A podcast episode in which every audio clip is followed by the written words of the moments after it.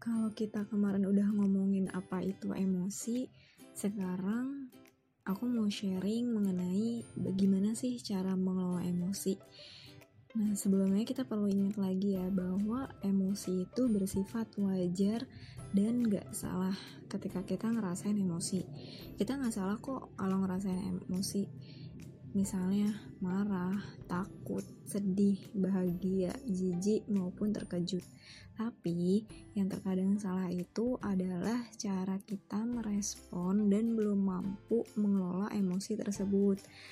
Nah, ketika kita mau mengelola atau merespon emosi yang kita rasain, hal yang utama adalah dengan mengenal dan memahami diri sendiri dulu memberikan kesadaran terhadap diri sendiri dan memahami kekurangan dan kelebihan. Dengan cara ini, kita dapat dengan mudah mengenali emosi apa yang sedang kita, rasain. Terkadang, kita merasa sulit untuk mengenal diri sendiri. Kenapa? Karena kurang banget waktu atau bahkan kita nggak punya waktu untuk mengenal diri sendiri, sibuk sama hal-hal yang lain. Nah, caranya gimana sih buat mengenal diri sendiri atau membangun kesadaran diri sendiri atau biasa yang biasa disebut sama kita tuh self awareness. Nah, yang pertama adalah coba pahami apa yang kamu kerjain. Iya, kita harus paham itu apa sih yang kita kerjain selama sehari-hari. Misalnya kita ngerjain apa, terus apakah itu termasuk hal-hal yang kita suka atau sebagainya. Nah, terus pahami apa yang kamu rasain. Jadi, pahami nih apa sih yang kita rasain gitu selama kayak misalnya kita ngerjain suatu hal kayak misalnya kita menulis terus yang kita rasain tuh apa. Nah, terus yang ketiga adalah pahami serta terima kelemahan diri sendiri. Walaupun sebenarnya ini sulit sih buat beberapa orang ya yang belum paham pentingnya self love. Eh, gimana sih cara mencintai diri sendiri? Mulai dari kita tuh tahu kelebihan kita dan kita tuh mulai terima kelemahan diri kita. Misalnya kita nggak bisa nih karena ngerjain sesuatu hal ya udah kita terima oh kelemahan diri kita tuh ini. Misalnya kayak gitu. Nah dengan adanya dengan kita menerima kelemahan diri kita sendiri kita bisa mulai apa ya eh, sedikit-sedikit buat menghilangkan dan membangun rasa percaya diri misalnya kayak gitu. Nah gimana sih cara buat kita tuh ngebangun self awareness gitu dalam diri kita? Yang pertama beri waktu untuk diri sendiri. Coba introspeksi apa yang udah dilakuin atau muhasabah ya apa yang udah dilakuin. Nah terus yang kedua bisa dengan membuat catatan pribadi. Sebenarnya ini nggak harus banget sih yang kedua ini membuat catatan pribadi cuma eh, dengan membuat catatan pribadi seenggaknya tuh kita jadi lega gitu. Kita uh, sharing atau kita memberikan apa pun yang kita rasain yang di mana itu bisa jadi energi positif misalnya kok ke orang lain. Bisa misalnya di Instagram atau di blog atau lainnya kayak gitu. Nah terus yang kedua adalah pahami pemicu emosi tersebut ketika kita ngerasain emosi kira-kira apa ya yang menyebabkan kita tuh emosi gitu? Misal ketika kamu diejek direndahin sama orang lain karena sesuatu hal yang kamu kerjain biasanya emosinya kan marah kan karena diejek. Tanya apa yang membuat kita tuh marah gara-gara diejek? Terus coba tarik nafas serta berpikir kasih taken off dulu yaitu jeda sejenak untuk merespon dan menghasilkan sesuatu respon yang baik. Jadi, kamu bisa nih mengelola emosi dengan baik, nggak meledak-meledak di akhirnya. Gitu. Nah, terus dengan diejek yang tadi tuh, misalnya contoh yang tadi, sebenarnya kita tuh nggak perlu marah gitu, cukup jadikan ejekan tersebut jadi motivasi untuk membuat diri kita makin melesat melesat untuk lebih baik ya atau lebih jago dan buktikan bahwa kita itu bisa.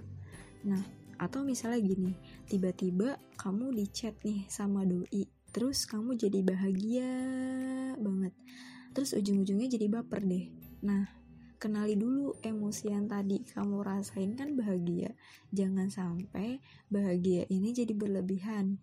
Harusnya kita bisa nih ngelola biar ujungnya nggak jadi baper. Karena bisa aja dia ngechat cuma buat nanyain tugas doang atau sekedar nyapa nggak lebih dari itu. Jadi coba pahami dulu ya. Nah terus yang ketiga adalah melihat sudut pandang orang lain atau dalam artian di sini memahami orang lain gitu. Mencoba untuk memahami orang lain.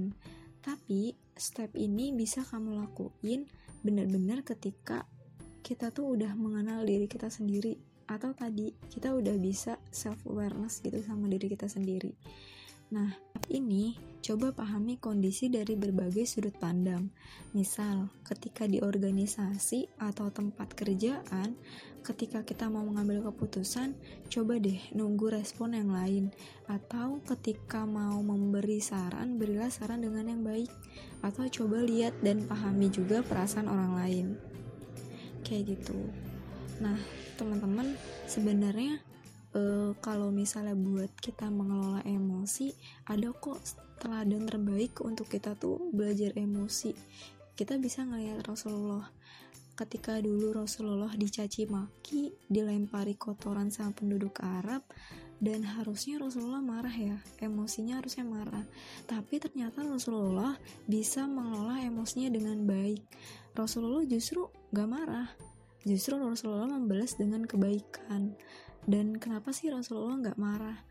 Ya karena menurut Rasulullah orang yang tadi mencaci maki Rasulullah itu belum paham dengan Islam. Jadi Rasulullah nggak marah.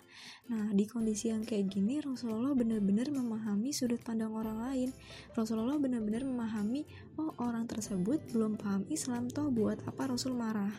Kayak gitu. Justru harusnya dibalik dibalas dengan kebaikan kayak gitu. Lalu masih ingat gak kisah Rasulullah yang beri, memberi makan orang buta Nah, orang buta ini terus mencaci Rasulullah di depan Rasul sendiri, tapi Rasul tuh gak marah sama sekali, bahkan terus memberi makan.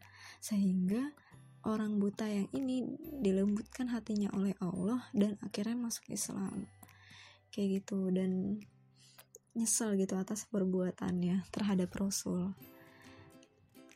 Nah, misal ketika ngerasain emosi marah gara-gara perilaku perkataan orang lain biar nggak meledak, coba tarik nafas dulu, terus kasih jeda sejenak untuk menetralisir pikiran kalau Rasul nyontohinnya bisa duduk atau ambil uduk biar dapat mengelola emosi dengan baik. Kita bisa kok melupakan atau mengelola emosi dengan cara misalnya melakukan aktivitas lain yang positif, misal jalan-jalan keluar, sekedar nyari udara segar, atau bersepeda, nonton lawakan, menulis diary, baca Quran, atau hal lainnya itu nggak cuma marah ya misal nih ketika kita ngerasain emosi sedih takut sama masa depan kenali dulu emosi yang tadi dirasain apa karena apa terus cara ngelolanya gimana ya biar biar nggak jadi emosi yang negatif. Begini begitupun dengan jenis emosi lainnya. Sebenarnya banyak sih kisah yang bisa diambil yang jadi teladan gimana caranya bisa ngelola emosi dengan baik. Nah teman-teman yang paling penting adalah tadi jadi ketika kita ngerasain emosi dalam diri kita coba pahami diri sendiri pahami pemicu emosi dan pahami dari berbagai sudut pandang menurut World Economic Forum bahwa pada tahun 2020 ada 10 skill yang harus dipunyai, salah satunya kecerdasan emosional. Nah, teman-teman, kenapa sih akhirnya penting banget bagi kita harus cerdas dalam mengelola emosi? Karena di dunia organisasi, di dunia kerja, maupun kehidupan bermasyarakat, skill ini sangat dibutuhkan. Karena pinter aja nggak cukup. Kalau pinter tapi nggak bisa mengolah emosi dengan baik, mungkin kerjaan akan berantakan.